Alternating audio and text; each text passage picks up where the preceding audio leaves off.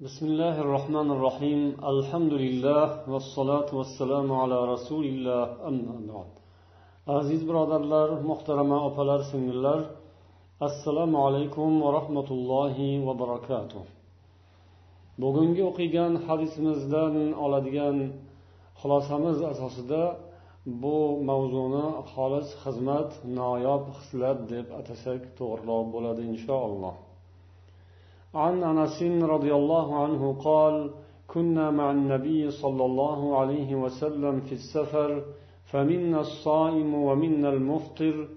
قال فنزلنا منزلا في يوم حار أكثرنا ظلا صاحب الكساء ومنا من يتقي الشمس بيده.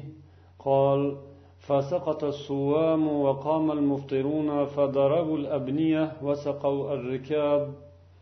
فقال رسول الله صلى الله عليه وسلم ذهب المفطرون اليوم بالأجر رواه البخاري ومسلم anas roziyallohu anhudan rivoyat u kishi dedilar biz nabiy sollallohu alayhi vasallam bilan safarda birga bo'ldik bizdan ro'za tutganlar ham bo'ldi ro'zani ochganlar ham bo'ldi anas aytdi biz issiq kunda bir manzilga tushdik Bizdan ko'proq soya topganimiz kiyimlari bor bo'lgan kiyimlari bo'lgan odamlar edi. Bizning ichimizdan yana kimdir qo'li bilan o'zini oftobdan to'sar edi. Anas aytadi ro'zani davom ettirganlar o'zlarini tashladilar. Ro'zani ochganlar esa o'zlaridan turib o'rinlaridan turib chodirlar tikdilar va tuyalarni sug'ordilar. Shunda rasululloh sollallohu alayhi vasallam aytdilar bugun ajrni ro'zani olgan ro'zani ochganlar olib ketdilar. Buxoriy va muslim rivoyatlari. Bu hadis bir qancha muhaddislar tomonidan har xil iboralar bilan rivoyat qilingan. Muslim rivoyatlarida فتحزم المفطرون وعملوا وضعف الصوام عن بعض العمل degan ibora kelgan ya'ni ro'zani ochganlar ular xizmatga kirishdilar va harakatga tushdilar ammo ro'zador bo'lganlar esa ojiz bo'lib qoldilar ba'zi ishlarni qila olmay qoldilar degan ibora bilan kelgan imom buxoriy rivoyatlarida ham degan ibora bilan keladi. Ya'ni ro'za tutganlar hech narsa qilmadilar. Ya'ni biror bir ishni qila olmadilar. Bu hadislarda ro'za tutgan odamga xizmat qilishning fazilati qanchalik ulug' ekani namoyon bo'ladi. Shu bilan bir qatorda ramazon va ro'za ibodati orqali ro'zadorlarga hurmat ko'rsatish misolida islom va musulmonlarga xizmat qilish jamiyat va xalqning farovonligi yo'lida o'zining hissasini qo'shish xalqni baxt saodat yo'liga yetaklash omillari ham ko'rsatib berilgan. Hadisning iboralariga nazar solamiz. Biz payg'ambar sollallohu alayhi vasallam bilan safarda birga bo'ldik va issiq kunda bir manzilga tushib dam oldik deb hikoya qiladilar anas roziyallohu anhu. Bizning ichimizdan ko'proq soyaga erishganlari ustki kiyimlari bo'lgan ya'ni qo'shimcha kiyimlari bo'lgan odamlar edilar. Ya'ni inson ustiga yopadigan yoki yotganda tagiga solib yotadigan bir kiyimi. Ana shunday narsasi bor odamlar shu kiyimlari bilan ustlariga soya qilib salqinlash imkoniyatiga ega bo'ldilar. Ba'zi bir odamlarda esa ana shunday ustki kiyimlari yo'q edi. Ortiqcha mato biror bir narsalari yo'q edi. Ular esa oftobning tig'idan faqat qo'llari bilangina to'silib turardilar qo'llarini boshlariga qilib oftobni tig'idan o'zlarini himoya qilardilar. Mana shu holatda ichimizdan ba'zi odamlar ro'zalarini ochdilar ba'zilar esa ro'zada davom etdilar. Ro'zani davom ettirganlar nihoyatda ojizlanib qoldilar ya'ni holdan toyib charchab qoldilar o'zlarini tashlab dam olishga yotdilar. Ammo ro'zani ochganlar esa o'rnlaridan turib xizmatga kirishdilar. Ular tuyalarni sug'ordilar ovqat berishdi yem berdilar va ro'zadorlarga soya qilib ularga yordam berishga harakat qildilar. Imom muslim rivoyatlarida kelgan muftirun degan iboraning ma'nosini bir qancha bir xil bir necha xil ma'nolarini rivoyat qilishadi shorihlar jumladan qozi yoz aytadilar bu iborani uch xil ma'nosi bo'lishi mumkin. Ya'ni tahazzamal muftirun ro'zani ochgan odamlar xizmatga bel bog'ladilar. Ya'ni haqiqatdan bellarini yaxshilab bog'lab olib keyin xizmatga tushdilar. Etaklarini bellarini eteklarini etaklarini shimarib yenglarini shimarib yoki belini bog'lab degan iboralar bu haqiqiy ma'noda bo'ladi. Ya'ni biror xizmatga kirishadigan odam kiyimlarini sal yig'ishtirib oladi belini bog'lab yenglarini shimarib oladi. Ana shunday ma'noda bo'lishi ham mumkin deydilar. Ikkinchisi esa ko'chma ma'noda kelgan bo'lishi mumkin istiora. Ya'ni belni bog'lash degani bu haqiqatdan belni belbog' bilan yo bir narsa bilan bog'lab olishni anglatmaydi balki xizmatga bel bog'ladi degani xizmatga kirishdi. Astoydil kirishib shu ishni boshladi. Biror bir xizmatga o'zini bag'ishladi degan ma'no bo'lishi mumkin. Uchinchi ma'nosi esa bu al hazm ya'ni ehtiyotkorlik degan ma'noni anglatadi. Muftirun degani ro'zani ochgan odamlar ehtiyotkorlik yo'lini tutdilar degan ma'no. Ya'ni bunda ham ular ehtiyotkorlikni yo'lini qilib ya'ni kelgusi oqibatga nazar solib agar hammamiz hozir mana shunday ro'zada davom etadigan bo'lsak natija nima bo'ladi? Natijada ko'pchilik kuchsizlanib qoladi ishimizga ziyon yetadi. Bu bizning maqsadimizga xilof bo'ladi. Demak biz ehtiyotkorlik yuzasidan biz ro'zani ochishimiz kerak va qiladigan ishni qilishimiz lozim bo'lgan ba'zi yumushlarni vazifalarimizni bajarishimiz kerak toki bizning zimmamizda vojib bo'lgan ishlar chala bo'lib qolmasin bir ishni qilamiz deb boshqasi yerda qolib ketmasin degan ehtiyotkorlik yo'lini tutdilar degan ma'no bor deydilar. Ibn hajar o'zlarining sharhlarida yozadilar degan ibora ya'ni bugun savobni ro'zani ochganlar olib ketdilar degan ibora ustida aytadilarki bundan murod ro'zadorlarning savoblari nuqsonli bo'lib qoldi degani emas balki ro'zani ochganlar ikki barobar savob oldilar degan ma'noda. Ya'ni ular xizmat savobini xolis niyat bilan xizmat qilganlari uchun ajr ham oldilar va shu bilan birga ro'zadorlarga hurmat ko'rsatib ularga muhabbatlarini izhor qilib ularni yaxshi ko'rganlaridan ollohning ibodatini qilganlarini ollohning ibodatini demak yaxshi ko'rganlari uchun ro'zadorlarga berilgan savobni ham oldilar. Ham o'zlarining xizmat savoblarini oldilar ham ro'zadorlar erishgan savobni ham oldilar. Ana u haqiqiy savob bo'ldi. Ajrning hammasini ular olib ketdilar degan ma'no. Ya'ni bir rivoyatda dahabal yawma bil ajri kullihi degan tarzda ham kelgan. Ya'ni savobning hammasini bugun ro'zani ochganlar olib ketdilar deganlar. Demak savobning hammasidan murod boshqalarga savobni qoldirmasdan bular hammasini olib ketdilar degani emas balki boshqalar olgan savobni ham oldilar o'zlarining xizmatlarining ham savobini oldilar degan ma'noda. Shorihlar keyin bu hadisdan bir qancha xulosalar chiqadi.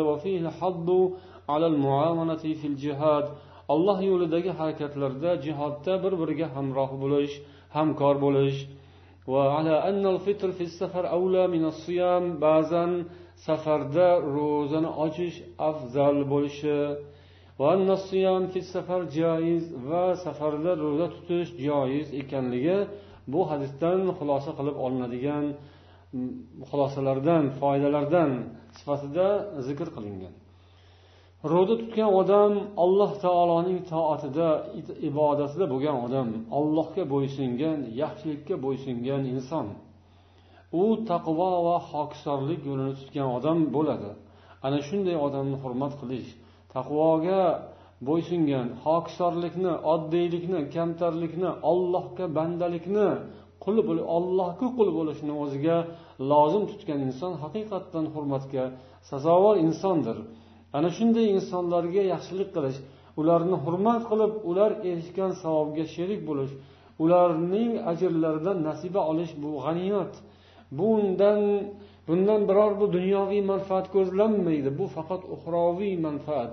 Olloh huzurida beriladigan savobdan umid qilgan odam ibodat qilayotgan odamni yaxshi ko'radi hurmat qiladi unga xizmat qilishga unga foyda yetkazishga harakat qiladi. Bunda biror bir tama yo'q.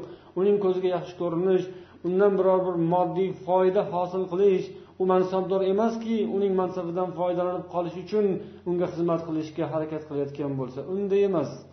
Bu yerda faqat uxroviy oxiratda bo'ladigan ajr va mukofotni umid qilib xizmat qiladi va hurmat qiladi. Mana shu yerda biz sof uxroviy manfaatni ko'ramiz. Lekin islom dinimizning hayotiyligi va mo'jizaligini ham mana shu hadislardan anglasak bo'ladi.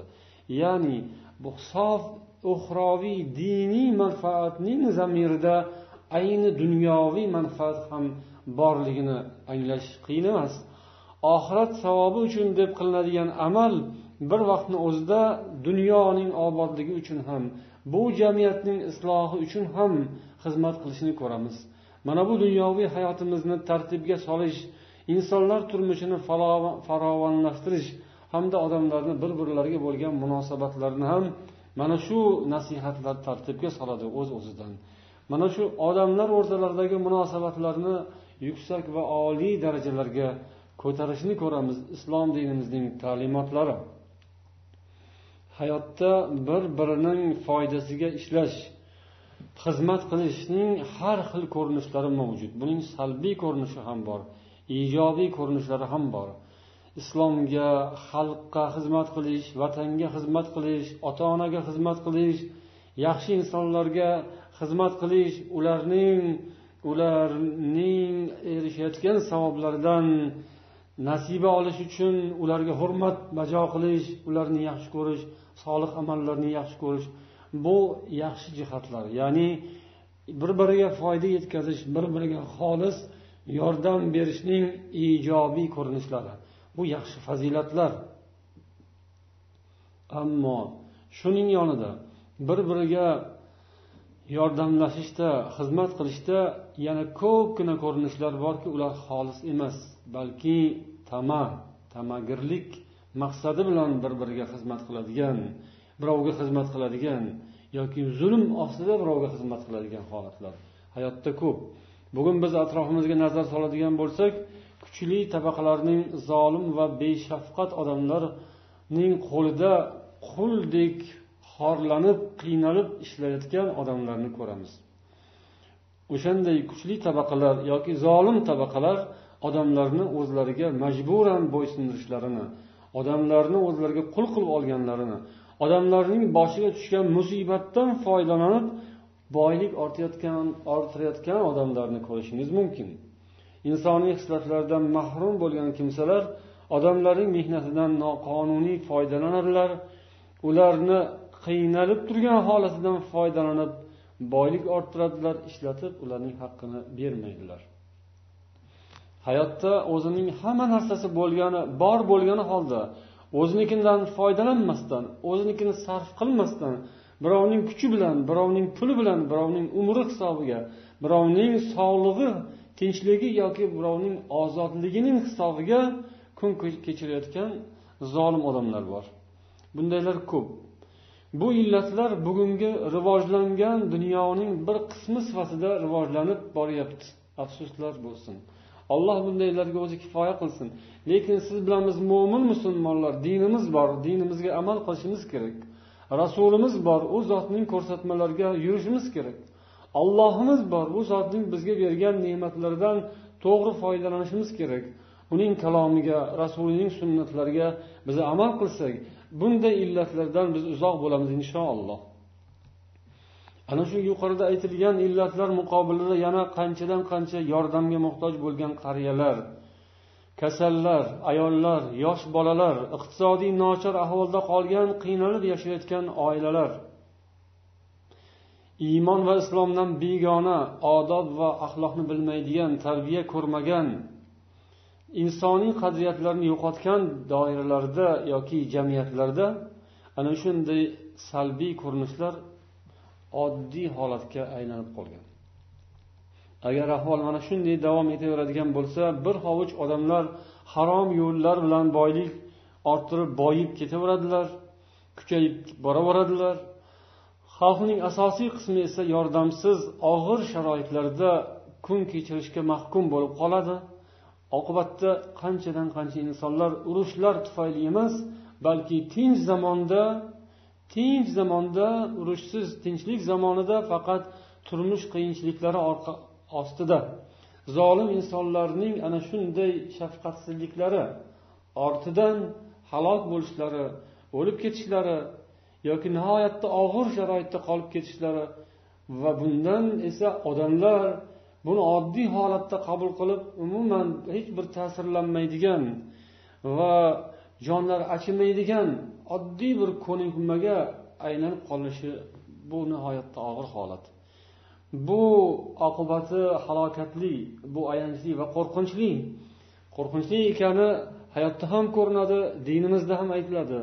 Rasululloh sollallohu alayhi vasallam aytadilar la qaddasallohu ummatan la ya'khudhu da'ifuha haqqahu min shadidiha wa huwa la yuta'ti'u